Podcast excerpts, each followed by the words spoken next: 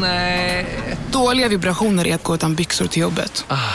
Bra vibrationer är när du inser att mobilen är i bröstfickan.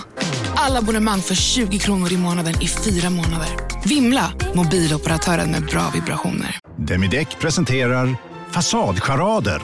Dörrklockan. Du ska gå in där. Polis? Effektar? Nej, tennis tror jag. Pingvin. Alltså jag fattar inte att ni inte ser. Va? Nymålat. Men det var många år sedan vi målade. Demideckare målar gärna, men inte så ofta. Hej och välkommen till podcasten Billgren Wood med mig Sofia Wood. Och med mig, Elsa Billgren. Mm, Elsa, det här är vår trendspaningspodcast. Vi pratar om saker vi eh, observerar och ser runt omkring oss. Vi pratar mycket om eh, inredning, konst, design, mat, mode, skönhet, högt och lågt. Mm. Och ibland pratar vi om lite mer eh, personliga saker och världsliga ting. Mm. Och den här veckan så är väl liksom vi alla tillbaka i hösten med en jäkla lavett. The bitch slappad av hösten. Så vi tänkte att det är väl precis på sin plats att vi pratar om back to school. Rutinerna, eh, farhågorna, peppen, tankarna. Välkomna!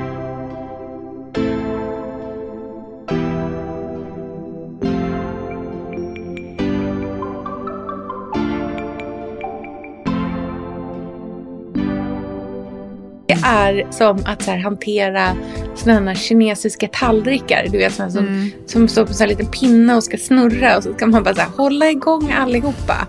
Vanliga människor behöver så här sleep on it. Jag behöver ha så här summer on it. För att det ska liksom räcka. Jag får alltså akut ålderspanik när jag ser så bilder från när de har spelat in Sex and the City nu.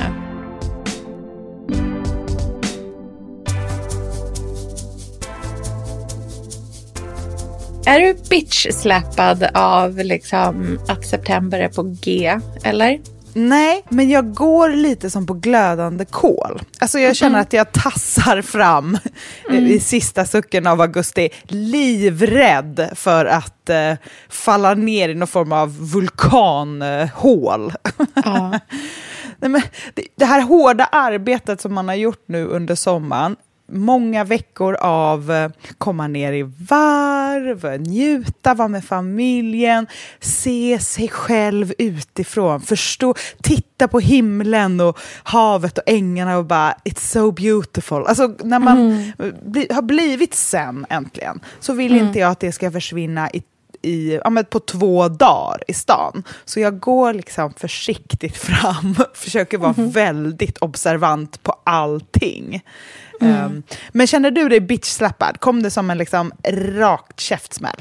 Alltså, jo, det gjorde det nog faktiskt ändå. Alltså, så här, jag tror, och någonstans tror jag så här, jag vet inte om det är någonting jag har gjort fel eller om det bara är så det är. Alltså, så här, det måste vara så. Det är ju någonting i mig som dels här, gillar struktur och ordning och att saker och ting flyter på. Och samtidigt så har jag en sida som bara motarbetar det i mig själv. Alltså att det gör det omöjligt för mig att hitta den där strukturen. Eller åtminstone följa den. För det är ändå så här, du vet, man har haft världens längsta sommarlov.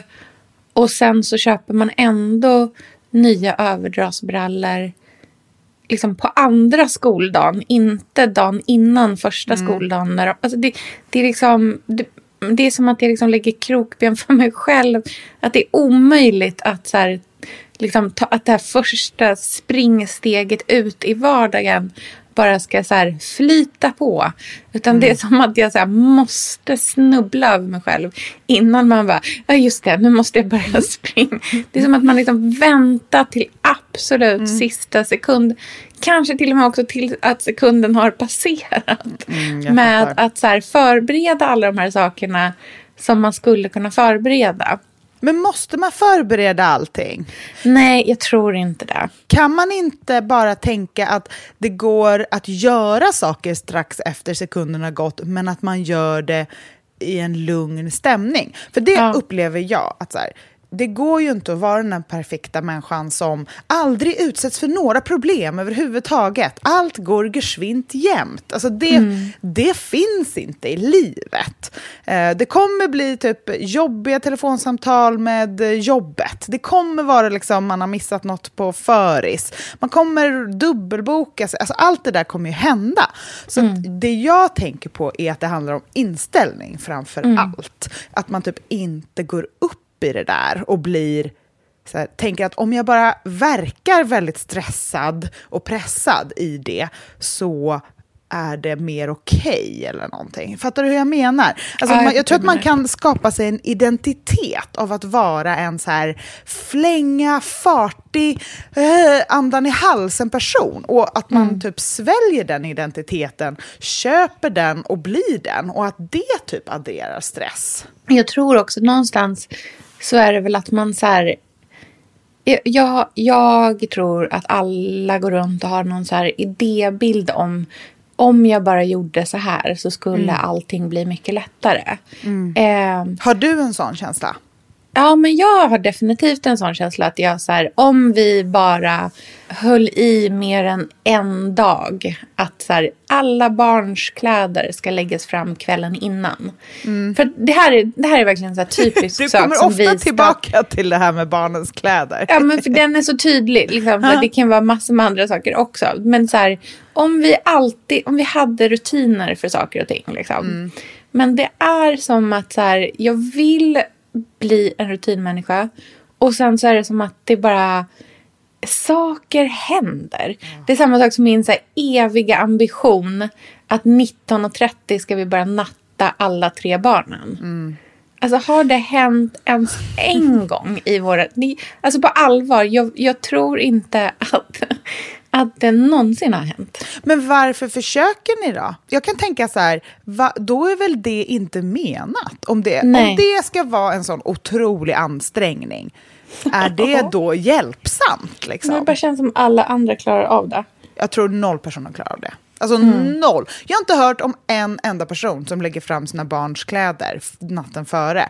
Eller som liksom lyckas natta like clockworks jag tror, jag tror att det är liksom bilden av ett ordnat liv som stressar mm. oss mer än vad vi tror. Mm. För att jag, jag vet ju att ni har ju rutiner, precis som vi har rutiner. Det är bara det att mm. de har man inte planerat och bestämt. De har ju bara blivit. Mm, de har utvecklat sig. Ja, för mm. att man typ behöver det. Och sen är det klart att man kan typ skapa nya rutiner, men jag tror framför allt, alltså du hör ju sen jag är, att... Äh, äh, klipp till när jag var naken i spegeln. Nej, men vi får ta det sen. Nej, men eh, så här, att det handlar om inställning, alltså så här, mentalt. Ja, att om man verkligen. ändrar den biten först, då kommer mm. ju alla de där fysiska rutinerna, det som blir mer praktiska, hands-on-grejer man gör, det kommer nog lite av sig självt så som de rutinerna man har kommer av sig självt. Mm. Ja, jo, absolut.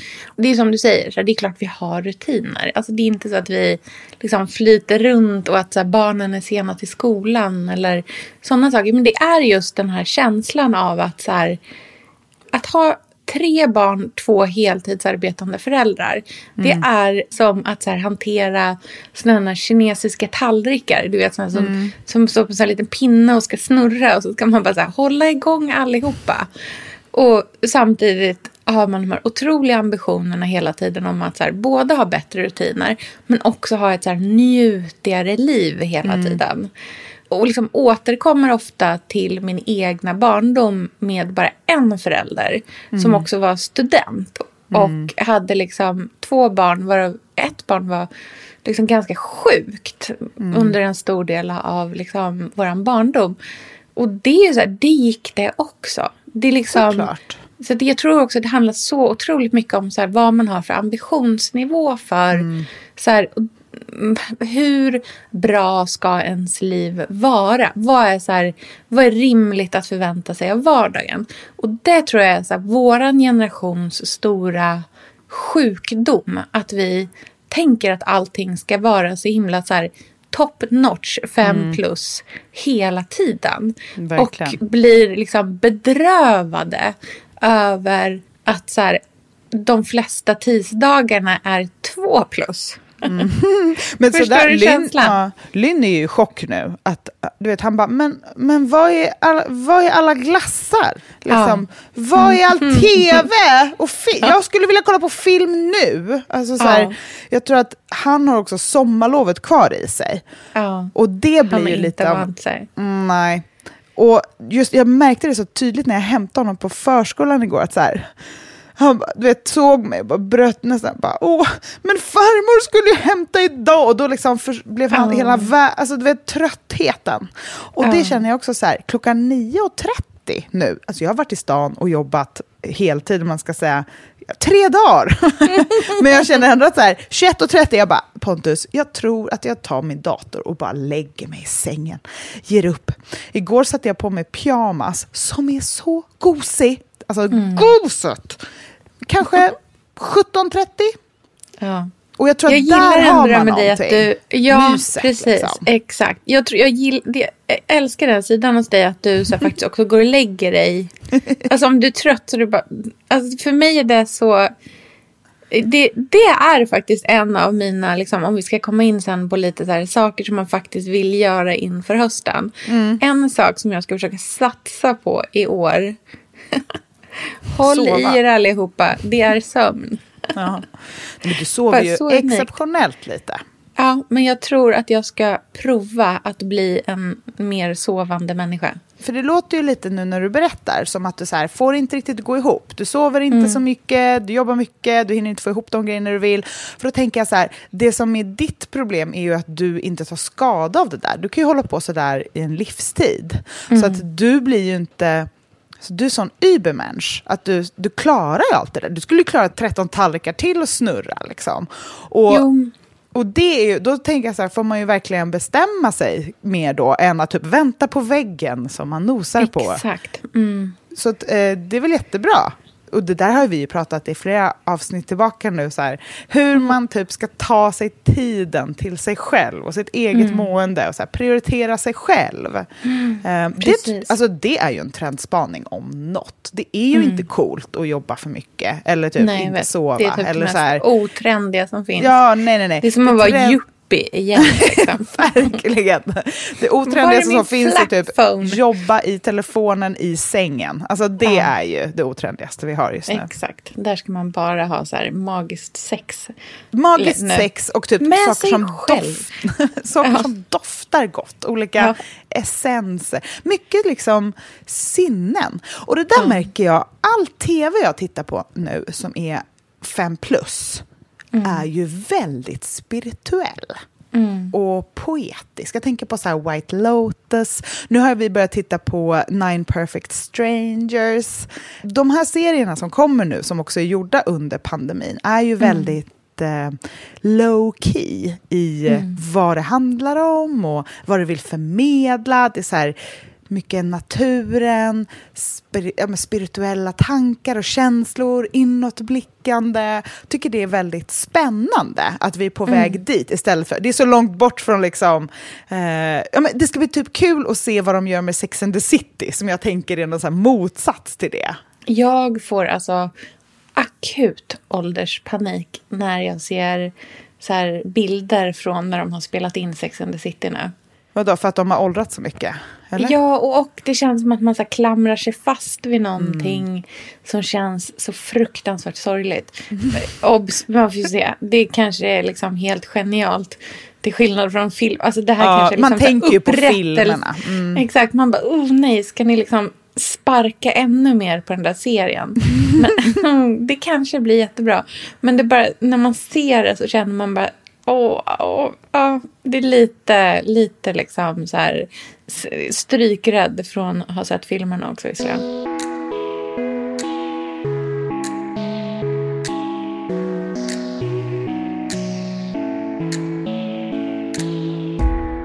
Men kan inte du berätta om dina höst... Liksom så här, vad, har du några rutiner som du tänker liksom, det här vill jag ta med mig in i hösten?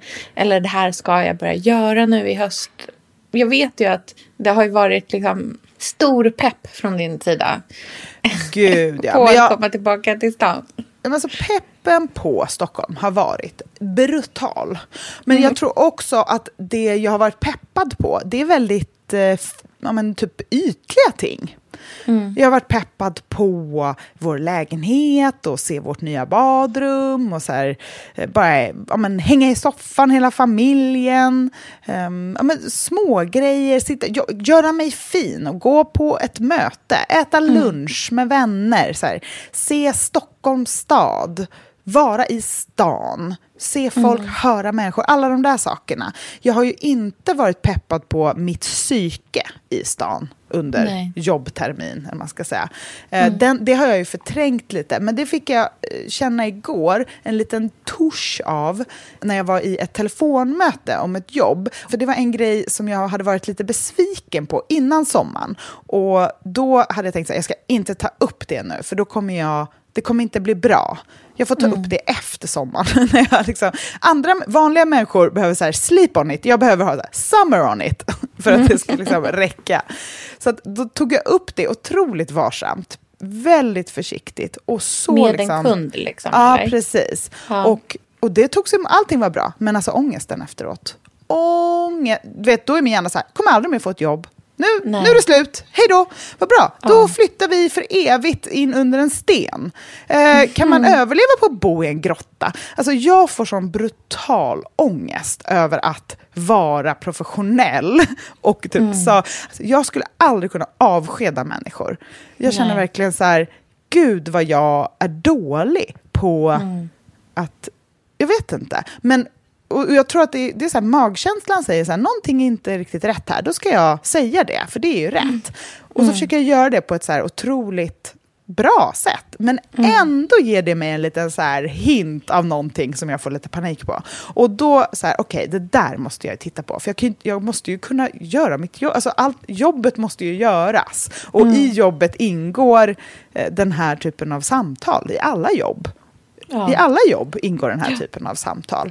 Och det här liksom måste jag gå tillbaka till. Så jag tänker att så här, rutin nummer ett är att öva på det där. Och jag, funderar, jag skulle vilja ha lite råd av dig. För jag tänker, du har jobbat mycket med den här typen av grejer. Alltså, jag tänker, du har ju haft mycket så här, chefspositioner och sånt, så du har ju verkligen behövt vara this guy.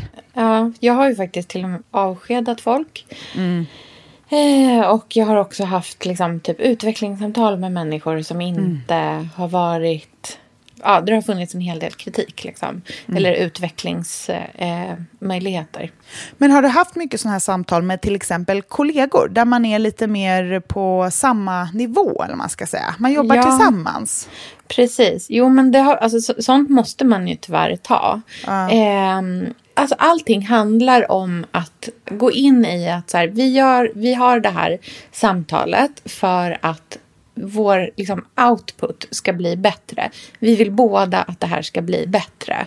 Och därför måste vi ha den här typen av prat. Och därför handlar inte det här om mig som person och det handlar heller inte om dig som person. Utan det handlar om liksom processen eller om jobbet. Att man så här särskiljer sig, sig från jobbet. Och nästan alltid så är det värt att ta, eller det är typ alltid värt att ta det där snacket. Sen kan det vara assvårt och det beror så himla mycket på liksom, ja, men dels en själv och hur man... Jag tänker att du ändå skulle vara ganska duktig på det här. För du tar ditt liksom, arbete på stort allvar. Så jag tror att du är nog egentligen ganska duktig på att ha den här typen av samtal. Men eh, det handlar ju också jättemycket om hur det landar hos... Alltså, man är inte en person i ett sånt samtal utan man är ju två personer. Såklart. Och om den andra går in i så här superförsvarsposition så Mm. blir det ju jättekrångligt och då måste man antagligen ha samma samtal flera gånger till. Liksom. Mm. Det är bara där det kommer sluta i. Men för jag kan ibland känna att förr så kunde jag gå in oftare i sådana här samtal för att liksom skydda mig själv. Förstår du vad jag menar? Markera mycket. Jag kände, och det gav mig mycket liksom, ångest, så jag har dragit ner på det. Och jag undrar då, ska jag liksom typ inte ha sådana här samtal? Behövs det här? Eller förstår du vad jag menar? För själva markeringen kan jag ju ändå göra mot mig själv. Ja, precis. Jag tror att det, det har vi pratat om i så här, jobbsamtal tidigare. Eller, eller liksom i av, avsnitt där vi har pratat om jobb. Men jag tror så himla mycket på att så här, när det kommer till sådana här saker så måste man så här, observera liksom, och rannsaka sig själv lite och vara så här, vart är mitt ego i det här? Ja. Och vad är liksom att jag känner mig stött eller eh, att jag känner att jag inte kommer fram på rätt sätt eller någonting sånt där.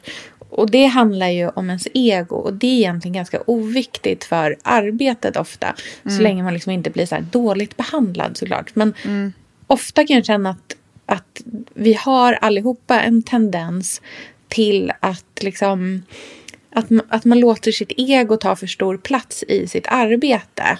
Och att man tar saker och ting som så här personlig, personliga skymfar fast att det verkligen inte är det.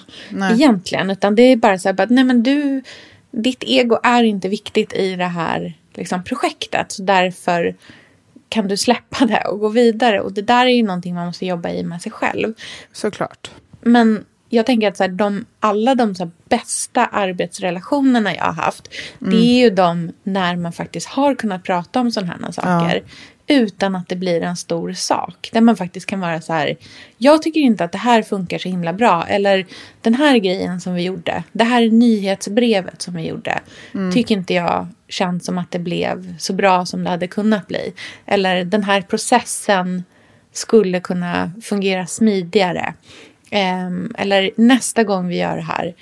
Och den typen av samtal tror jag att här, om man har det med rätt liksom, approach så är det typ den, också en väldigt så här, sammanbindande kraft. Att det får båda parterna i det här samtalet att känna att så här, vi gör det här tillsammans och vi är alla måna om att det ska bli bra. Och då blir liksom kritiken inte någonting som är eh, liksom nerklankande. Utan som gör att, man, att det kan liksom bli väldigt så här, stärkande i arbetssituationen. Att alla tycker att det här är viktigt. Och att vi alla månar om att det ska bli så bra som det bara går. Liksom. Det är svårt när man är frilans och jobbar i så här korta projekt också, tycker jag. och också verkligen. att man... Jag kan ofta känna att man blir lite utnyttjad i vissa situationer. Att så här, man kanske skapar massa material för att visa och sen så tas det och liksom görs någonting av. Eller, alltså att man, man, man väldigt, alltså den, och då är det så svårt att veta om det här är värt att för att man vet inte om man ska fortsätta jobba eller in. Jag kan tycka att det Nej. är jätte... Och där, det var därför jag menade att så här, jag förstår om man jobbar typ med kollegor och har liksom kanske en fast anställning och man, man vet att man kommer göra många projekt tillsammans och sådär. Men om man är frilansare eller jobbar mer med liksom många olika människor och då, då kan jag tycka att så här, frågan är, är det värt att hela tiden, för ibland kan jag också känna också att när jag tar upp sådana där saker, att det typ är för att hjälpa den andra att inte vara så dum. Fattar du vad jag menar? Att det är så här, varför ska jag, när det egentligen är ett helt annat, jag, jag kan vara lite så här, visa hela mitt hjärta när jag egentligen borde vara hård. Eh, Men hårdheten gör mig livrädd. Så där är det så här, ska man, eller ska man typ bara vara tyst och tänka så här, det där, nu skriver jag ner dig i min bok. Och sen så har man ändå gjort den där markeringen, fast för sig själv. Och i det då slippa den här lilla mikroångesten som det är att så här, call someone out. Eller är det livsviktigt att liksom göra det för sin egen skull, även i en markering, även om jag alltid får dåligt samvete efteråt? Men jag tror att det är så här, problemet är inte att du gör det. Problemet är att du får dåligt samvete. Ja, det är där jag det är. Ja, för att jag tycker nog ändå att så här, bara för att man är frilans så det är ju som att liksom ens, så här, det här teamet som man är i, det här teamet som man vill ska jobba på ett bra sätt. Det finns inte i så här, många olika människor. Men däremot får man typ så skapa det kring sig själv. Så bara för att man inte har så här, Anders och Karin som man jobbar med så är det ju det i en själv och då måste man fortfarande ha de där processerna kring att så här, säga när saker och ting blir fel. För att bara för att det bara är du som är liksom typ mottagaren eller den andra parten i, i liksom ett arbete med en extern kund så ka- kan man liksom inte, man kan ju inte så samla heller folk på hög att så här, de där vill inte jag jobba med för att de är krångliga. jag, vet, jag har till exempel en kund som jag har jobbat med något tillfälle som var liksom väldigt krånglig och det blev inte ja, det blev liksom inget bra. Någonting, allting blev liksom väldigt stökigt. Men det är ju inte som att den så här, kunden så här, slutar existera helt och hållet bara för att jag typ inte sa någonting. Utan det är ju snarare att då blir det någonting som man går och bär på. Så, så nästa gång samma kund kommer igen och säger så här, du, eh, vi skulle vilja jobba med dig i det här projektet. Så känner man sig bara, gud nej, jag vill ju inte jobba med dem. För att det... Elsa, vi är ju sponsrade av Bosch. Älskar. Älskar att vi båda nu har varsin serie 6 köksmaskin. Det har varit hembakt morgonbröd hela veckan. Det är det lyxigaste jag kan tänka mig. Är inte det en god barndom, så säg. Ja, alltså, om det här inte är idyllen. Mm. Men grejen är så här. Jag vill ju ha alla de här sakerna. Jag mm. vill mm. ha nybakt, hembakt bröd på morgonen. Ja. Men just nu i mitt liv så är det mycket som får stryka på foten. För att jag har inte tid. Men med den här otroliga maskinen så hinner jag baka bröd. Den sköter liksom allting själv. Jag behöver inte ens knåda. Jag sätter på den och den gör knådrörelserna åt mig. Alltså, serie 6 har ju sju stycken sensordrivna automatiska program. Ja, När jag hör den meningen, ja, då känner jag så här, jag kan inte misslyckas. Nej! Det, alltså, degen blir perfekt. Mm. Det är som att jag har lagt ner jättemycket tid och energi på det här brödet, när det jag har gjort är att hälla saker i en skål och trycka på en knapp. Underbart. Mm. Nej, men man bakar ju som ett proffs och jag tycker om att baka enkla grejer och de ja. blir ännu enklare med Bosch serie 6. Alltså jag har ju haft Bosch i mitt liv ganska länge, mm. och speciellt på landet. Så för mig är det förknippat med att det blir gott, det är mysigt mm. och det är tryggt för det blir riktigt bra varje gång. Man väger ju också sakerna direkt i skålen, så det blir mm. inte tusen olika saker som måste diskas och som är krångliga. Det är verkligen sänka ribban. Men Bosch har ju tänkt ut vad vi skulle kunna misslyckas ja. med och eliminerat de faktorerna så att det blir bra varje gång. Och Man kan ju också prova hemma i 100 dagar mm. med fri returrätt. Och ja. Så att Bosch vill ju verkligen att vi ska vara nöjda med produkten. Det är väldigt bra att man kan få testa på hemma. Ja man kan vara Verkligen. extra säker på att det funkar. Mm. In och läs mer om Bosch köksmaskin serie 6 och köp den hos Power. Mm, tack Bosch. Tack. Sofia, vi har ju den stora äran mm. att jobba tillsammans med Krav. Mm. Det är så fantastiskt att de sponsrar den här podden, tycker jag. Mm, det, jag är så stolt över det. Jag är också väldigt, väldigt stolt. Mm. Kravmärkt mat, det är ju mat som produceras utan naturfrämmande bekämpningsmedel och mm. som bidrar till en biologisk mångfald. Mm. Och jag väljer ju Krav när jag handlar för att jag vet att det blir bra i varje led. Ja. Från jord mm. till bord. Mm. Det blir godare och det blir bättre för alla inblandade. Ja. Nu är det ju tiden för vårprimörerna. Mm. Nu börjar de allra första komma. Mm. Och när man köper kravmärkta vårprimörer, mm. då är det som att man får smaka på våren så som den ska smaka på riktigt. Oh. Den första kravmärkta svenska sparrisen, oh. det är en högtidsstund. Det är det. Och sparris som är kravmärkt, man ser det på primören.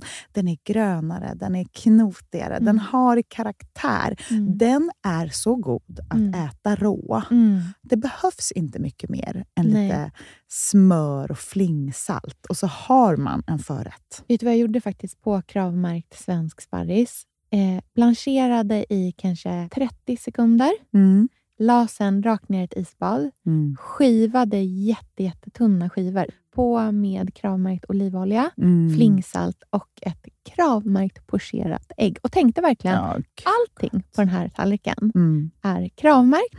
Allting smakar otroligt.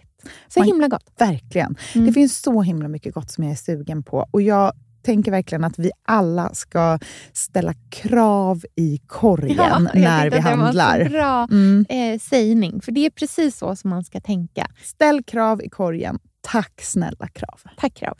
Sofia, den här veckan har vi ett jättefint och viktigt samarbete med Plan International, mm. en av världens största och äldsta barnrättsorganisationer med verksamheter i över 80 länder. Mm. Och nu tänkte jag att jag ska berätta för alla, för dig och för alla som lyssnar här om eh, Asiato, som är 15 år gammal och kommer från Sierra Leone. Den här berättelsen visar också hur vi kan göra skillnad för flickor faktiskt. För trots mm. sin unga ålder så har Asiato redan upplevt väldigt mycket smärta. Hon har blivit utsatt för våldtäkter under hela sin barndom. Och eh, hon berättar att hon inte vågade säga någonting om de här övergreppen till någon. Och att hon därför inte hade någon runt sig som märkte något förrän hon blev gravid. 13 år gammal. Man är så liten mm. när man är 13. Mm. Kan du tänka... Alltså jag, nej, jag, det är svårt att mm. tänka sig att ett barn ska bli barn, mamma vid, i den mm. åldern. Men tack vare Plan International så har hon fått stöd och bearbeta allt det här fruktansvärda som hon har varit med om under så många år av hela sin barndom. Och nu mm. så är hon mer hoppfull inför framtiden igen. Ja, barn ska inte föda barn. Och vill du vara med och kämpa för att flickor som Asiato ska få en barndom fri från våld och sexuella övergrepp, bli flickafadder för 125 kronor i månaden hos Plan International på flickafadder.se. Eller om du hellre vill ge en engångsgåva så kan du swisha till nummer 900 14 70. Eh, alltså 900 900 14 70. Tack Plan International.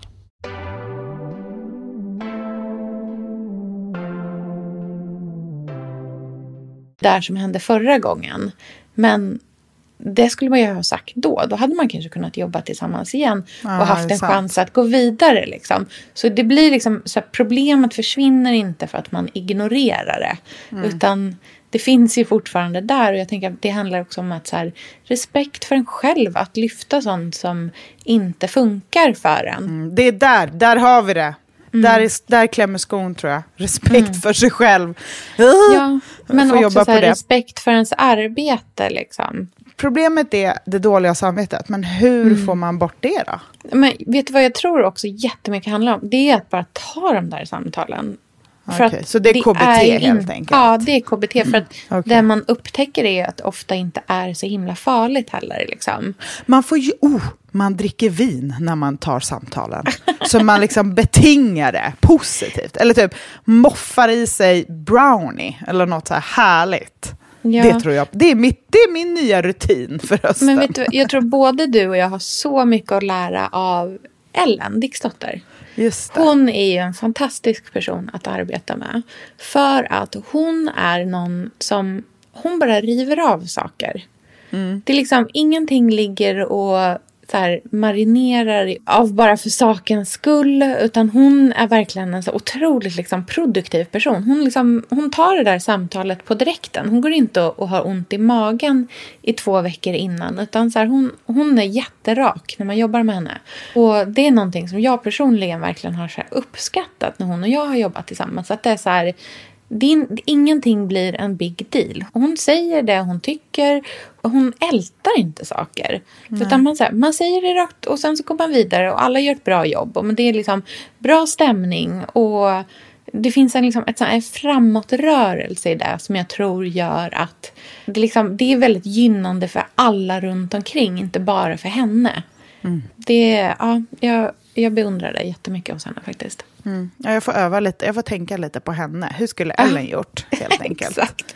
Man får ha så här, du vet som hur alla, alla katolska tjejer som jag gick i skolan med i Australien hade alltid så här, de hade ett så band som det stod eh, WWJD, what would Jesus do? Man bara, WWED. Exakt.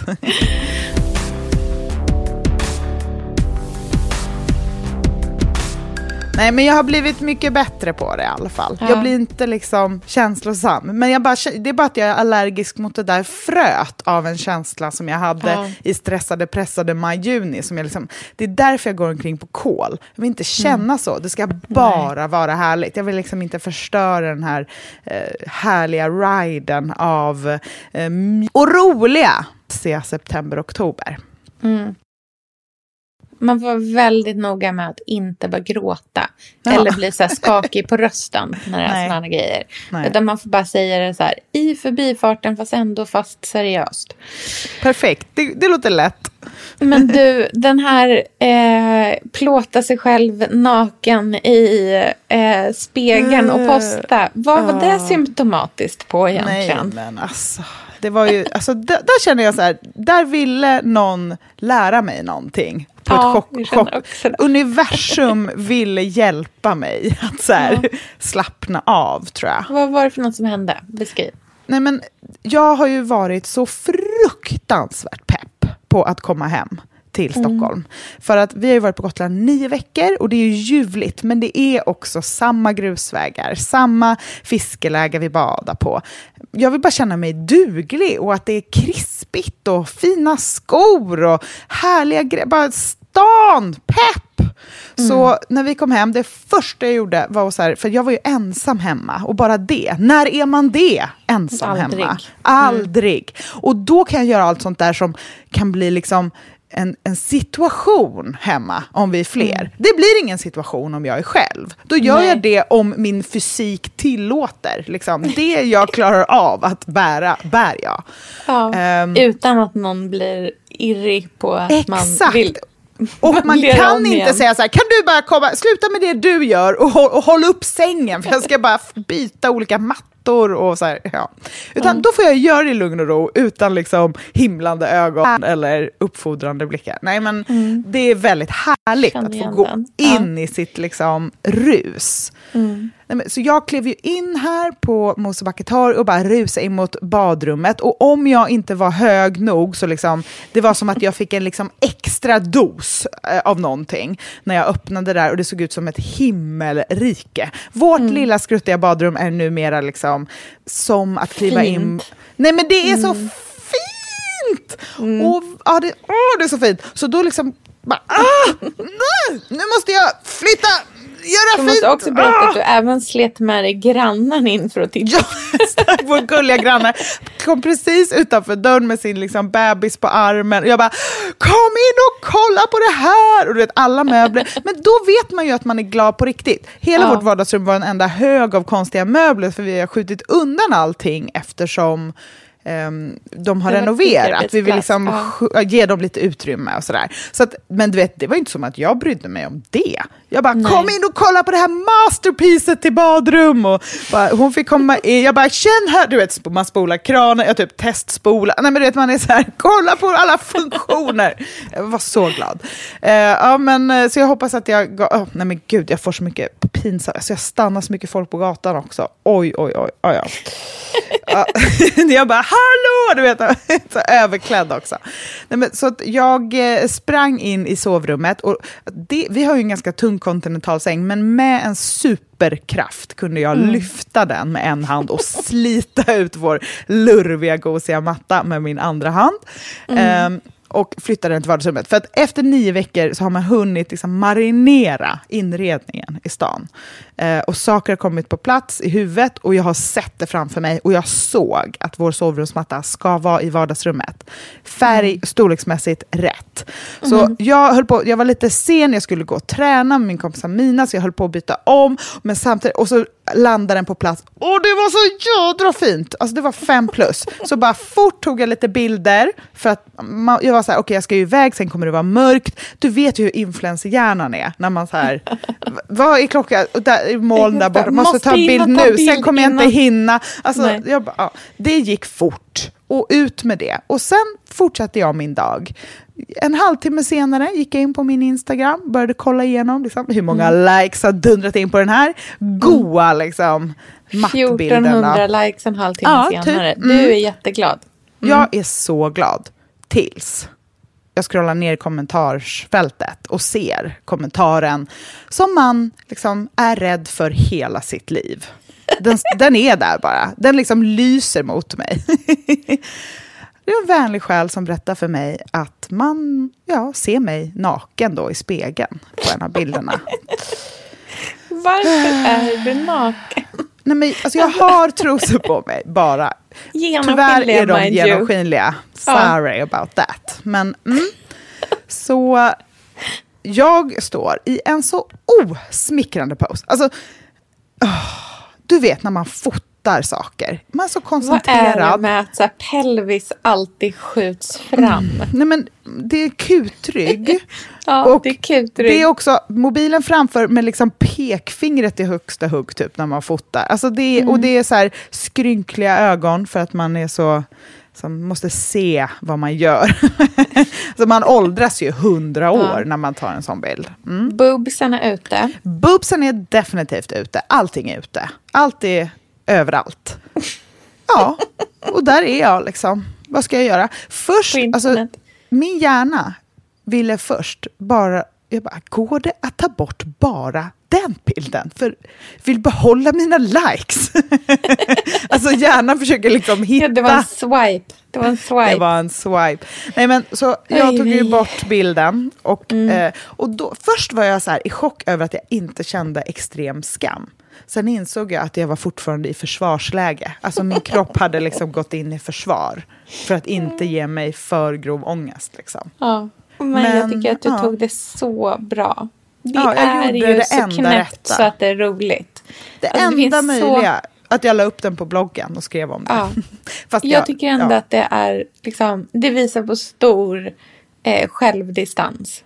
ja, För jag det är också und- så här, det är så knäppt så att det går inte ens att skämmas för. Det är inte som att så här, du har råkat publicera en syrlig sms-konversation. Alltså någonting som man typ skulle skämmas över på riktigt.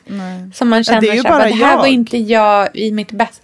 Det här var liksom en person jag inte vill vara. Alltså du vet s- så. Det är inte den sidan. Utan det här är ju bara en riktig virrpanna.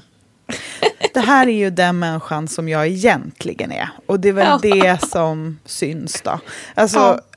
med, med en så här rufsig knut, naken, dålig hållning, är för pepp på inredning.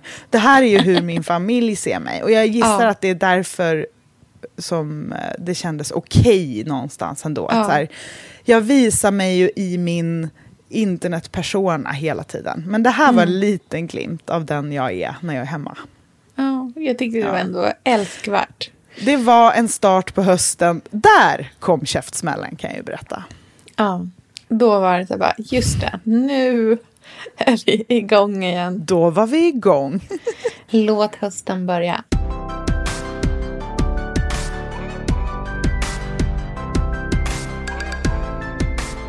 Jag ehm, har, förutom då min ambition att här, prova sova fler timmar, eh, se vad det gör med kroppen, så har jag faktiskt lite andra grejer som jag eh, liksom tänker att jag ska försöka så här, ta mig med in i, ja men verkligen så här back to school-känslan. Mm, Saker härligt. som ska göra mitt jobb lite lättare. Berätta. Jag kommer... Jag lämnar väldigt ofta eh, på skolan och eh, förskolan eh, på morgonen. Och det som är så otroligt skönt med att ha lite äldre barn är ju att de börjar skolan ganska tidigt. Alltså så här, man kan inte, de börjar inte klockan nio. Utan man är, liksom, man är igång och man är ute ur dörren 08.00. Och för mig är det så himla så här... Jag behöver det. Jag behöver den liksom så här rutinen. Jag behöver att man kommer igång tidigt. Det värsta som kan hända mig är liksom så här långa sega månader. För då blir det som att det blir bara så syntax error för hela min dag. Men det jag börjar göra nu är att jag faktiskt inte går raka vägen hem. Utan jag går en liten, liten omväg. Så att jag hinner att liksom rensa huvudet eller ringa ett roligt samtal eller liksom, du vet, så här, göra någonting innan jag går in och sätter mig och jobbar. För att annars blir det lite lätt för mig att så här, skyndar jag mig direkt hem från skolan innan jag ska börja jobba så blir det att jag kommer hem och så måste jag liksom typ för jag är fortfarande lite så här socialt understimulerad eller framförallt kan jag känna mig lite ensam. Och då kan det lätt bli att jag så ringer någon eller liksom, du vet, börjar scrolla lite grann precis när jag kommer hem. Och jag måste komma in i att så här, faktiskt sätta mig och jobba på direkten när jag kommer hem. För att förmiddagen är verkligen min mest så här, produktiva tid. Så att lämna, gå en liten omväg, samma väg varje dag för att bara så här få liksom, ut några steg ur kroppen. Eh, kanske prata lite. Och sen så har jag min stora grej som jag tänker att jag ska sluta med nu i höst och som jag faktiskt har gjort en del de senaste dagarna bara är att jag inte håller på och städar när jag kommer hem. Mm. Utan jag sätter mig på min arbetsplats och börjar jobba på direkten. För att vi är ju många som fortfarande jobbar hemma. Och just den här, liksom, det här är ju inte bara för dig och mig som är så här, ska skriva ett blogginlägg. Utan att man liksom faktiskt, de, många jobbar fortfarande hemma. Mm. Och det är så himla lätt att så fastna i liksom hur man beter sig i hemmet i övrigt. Mm. Och just det här städandet eller undanplockandet som man håller på med är så himla så kontraproduktivt mot att faktiskt komma igång med sin dag och vara så här effektiv på direkten. Så att nu har jag liksom en riktig arbetsplats vid matbordet där jag liksom inte sitter vänd mot resten av lägenheten. Utan bara så här, sitter i mitt hörn mm. och matar jobbgrejer i så här 20 minuters stötar. Mm. Så att jag kör 20 minuter. Eh, det här är en teknik som heter pomodoro-tekniken. Mm. Men det liksom utgår från att man jobbar i 20 minuters stötar. Och sen så har man liksom typ så här fem minuter fri scroll mellan, mm. mellan de här 20 minuters stötarna. Och vissa saker kräver längre tid och då kan man liksom sätta ihop så att man kanske har två 20 minuters stötar på direkten mm. så att man kör i 40 och då får man 10 minuter fri scroll sen efteråt. Mm.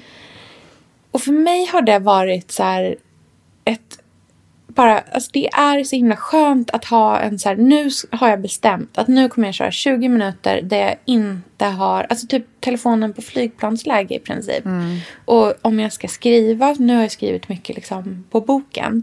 Då har jag liksom stängt av mejlen under de 20 minuterna och även stängt av, för jag har så att jag får mina sms på datorn också. Mm. Och det finns ju ingenting som är värre än när man så börjar liksom, du vet, någon annan har inte en av sina pomodoros mm utan börjar så fråga massa frågor och sen så helt plötsligt så sitter man och liksom skriver sms med kompisar istället för att jobba. Så att allting stängs av under de här 20 minuters datorn och så får man ta allting sen. Och för mig har det faktiskt ändå, det känns som att det kanske är så jag behöver jobba. Att jag för jag måste liksom stänga av allting runt omkring. För att verkligen så här, genuint vara fokuserad under de här liksom, kortare stötarna. Och inte mm. börja hålla på med 50 000 saker samtidigt konstant. Det låter ju så bra. Det är verkligen mm. inspirerande. Hur gör du när du jobbar? Hur, hur, ser, liksom, hur ser din jobbdag ut? Nej, men för mig så är det ju så olika grejer. Ehm, jag, för mig är den svåra nöten, det som jag, alltså de mesta grejerna funkar. Just när det kommer mm. till bloggen så har jag insett att det är så himla viktigt att gå på känsla. Jag kan inte schemalägga när jag skriver bloggen, för då blir Nej. den inte bra. Uh, så där måste jag snarare lära mig att se när det kommer någonting som kan vara ett inlägg. Jag mm. skrev mm. ett Eh, inlägg för någon vecka sedan när jag fortfarande var kvar på Gotland. En morgon som var så här, bara svammel från mitt huvud. Och mm. det blev jätte, jätteuppskattat. Mm. Och jag hade nästan glömt att ett blogginlägg kan vara bara känslor och tankar också som mm. kommer i ett svep. Och det där är helt omöjligt att planera. Så att, för att få struktur i arbetet men ändå skapa en bra blogg så måste jag liksom låta bloggen få sitt. Och det mm. har jag ju också sagt till Pontus, att så här, om jag får en feeling på text, då kommer jag bara ta datorn och gå och stänga in mig någonstans. Det kan ju vara på toa, eller lynsrum, eller lägga mig i säng, var som helst. För då behöver jag, jag behöver fyra minuter, men de måste vara helt ostörda. Så tanken mm Så tanke till fingrar till text får vara helt bara ett flöde. Och så skrev jag min bok också. Det är liksom det sättet som funkar för mig att skriva text. Jag mm. behöver, när jag får feeling så måste det finnas utrymme för feeling. Eh, och det kan vara när som helst. Och det behöver mm. inte ta lång tid. Jag behöver inte sitta i flera timmar, jag behöver inte ens sitta i 20 minuter. Utan det, det kan verkligen vara fem. Men det mm. behöver vara absolut, liksom, det kan ju vara typ i bilen. Då behöver jag bara liksom få upp den och göra det. Eller det kan vara alltså när som helst. Jag måste få ner det bara direkt. Ja. Uh, så det är ett sätt jag jobbar på. Så det är lite tvärtom kan man väl säga. Men när det Verkligen. kommer till uh, mejlen, då är det jätteviktigt att jag så här, gör allt. Jag brukar låta mejlen vara och försöka tänka bort den. Och sen väljer jag en dag i veckan typ tisdagar är ganska bra. För måndagar är ofta så uppstart, möte, samtal. Folk ringer, man har något eh, Zoom-möte. Alltså det brukar vara mycket andra grejer. Eh, men tisdagar är en ganska lugn dag kan jag tycka. Och mm. då brukar jag sitta med bara mejlen hela dagen. Och då bestämmer mm. jag mig. Så här, idag är det bara mejl. Mm. Och då gör jag alla. Oh, oh, det tycker jag är väldigt skönt. För att mm. den känslan då, när det är klart, den gör att jag är lugn även när det börjar plinga sen då, onsdag, torsdag. Det är klart att jag svarar på saker som behöver svaras snabbt. Det ser mm. man ju om det är det. Men oftast så är det saker som kan vänta lite. Och då mm. är det skönt att veta att så här, den där kommer jag svara på i, när, det finns, när jag är... För då kan jag också svara lite längre. Jag kan också mm. ha tid för liksom ett svar, så om det kommer direkt så är man liksom i rullning med det samtalet. Jag är inställd på mejlen. För jag, jag tycker verkligen inte om att mejla. Jag tycker att det är kanske det tråkigaste med mitt jobb, om jag ska vara ärlig. Att, att det du tycker om mejla mycket? Liksom. Det är mycket mejl. Och mm. det är någonting som gör att jag eh, verkligen inte gillar mejl. Jag vet inte varför. Men så är det bara, så får det väl vjag Men därför är, ser jag det som en så här ett, om, jag spa, om jag gör det en dag och bara gör det, då är det nästan som ett lopp. Alltså det, då blir det ett så här mission. Mm. Och då känns det väldigt bra. Då blir det så tydligt. Liksom. Och sen kan man mm. skörda då resten av veckan och behöver inte liksom, ha ångest för att man inte svarar eller så oro. Ja, för att man vet att det där har jag kontroll över. Det kommer i sinom mm. tid. Man kan ju också mm. ha ett sånt autosvar om man vill vara lite trevligare. det är bara att jag tycker det är så jobbigt att få alla de här bounciga tillbaka-svaren på autosvar, för man har ju så mycket så här, saker som man får mejl om som inte kan ta emot ett autosvar. Um, men som säger så här, hej, tisdagar är min mejldag, så jag kom, svar på tisdag, typ smsa eller ring mig här om du vill ha svar tidigare. Eller något sånt mm. där. Om mm. man vill kan man ju göra mm. på det sättet. Det är ingen som säger att man måste vara tillgänglig jämt. Nej, precis. Om, om man inte har det i sitt jobb eller sin tjänst. Mm. Alltså, om man är frilans då som jag är, jag kan ju bestämma lite hur jag vill lägga upp det. Och det, mm. så kan jag. Mm. Mm. Det är lyxen av att vara frilans.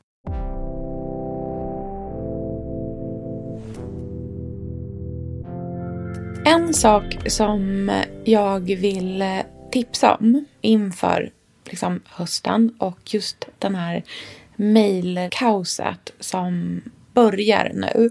Jag tror att många har liksom mycket att gå igenom efter semestern och det är mycket att strukturera upp och sådär. En sak som faktiskt är värd att lägga ja, men en liksom timme eller två på i ens mejlkorg det är att gå igenom alla olika nyhetsbrev som man får. Som man, vissa har man signat upp sig på, men många har man faktiskt inte alls signat upp sig på. Utan det bara börjar komma. Mm. Och det är ju mm. sådana som liksom har köpt ens mejladress för att man har handlat någonstans eller man har varit inne på någon sida eller vad som helst. Ta en timme och aktivt gå igenom och avregistrera ja, sig. Verkligen. För det kan man faktiskt göra. Gud, ja. Och det är, det, vi pratar ju mycket om det här med så här medveten konsumtion idag. Ja. Och att så här, alla har ett ansvar. Ja, där har man ett ansvar. För mm. det är... Det tar jättemycket energi och det är, man blir lockad av massa grejer som man inte aktivt själv har valt att titta på. Verkligen. Och det är också otroligt stressande att bara se, mm. bara, men gud, nu har jag fått så här 12 nya mejl under tiden som jag har gjort bara en liten grej och sen så är hälften av dem så här, liksom från en jäkla apotek som vill ge en 25% rabatt på någon kräm man aldrig skulle använda ändå. Alltså, Ja. nej. Ta tiden, gå igenom alla sådana mejl och bara ta bort, ta bort, ta bort. ta Ja, bort. och istället kan allt. man ju signa upp sig på lite saker som man vill ha mer av i sitt liv. Absolut. För det är man ju lika ansvarig för själv, tänker jag. Ja, så se till att man får vettiga saker som man faktiskt är intresserad av. Om det är skönhet så är ju det en jättebra sak att få nyhetsbrev av. Ja, men men om man gud, kanske ja. får om något annat som man inte är intresserad av, då är det väl ja, men, att, att försöka editera lite i alla Mm. sina kanaler. Inte bara Instagram och sånt där, utan även mejlen. Det låter, det låter som ett jättebra tips, tycker jag. Mm. Ja, eh, vi får väl se eh, om det är du som står naken i spegeln nästa vecka eller om vi är fullt påklädda. Eh, snart börjar petitterna, så håll utkik Ja. i eh, Billion Wood Podcast på Instagram där vi berättar när de är igång igen. Det är väldigt, väldigt snart. Och eh, vi lägger väl upp lite school start-bilder, lite pepp på Ja, Instagram. verkligen. Häng med oss där så hörs vi igen nästa vecka. Och Mm. ehm, återkommer med fler. Jag är sugen på att göra en riktig så här, trendspaning snart. Verkligen. Nu Mm. är vi ju nu är vi liksom påklädda och redo för det. Så nu kör vi. Business. Mm. Okej, okej. Okej, Vi hörs då. det gör vi. Hej. Puss, hej.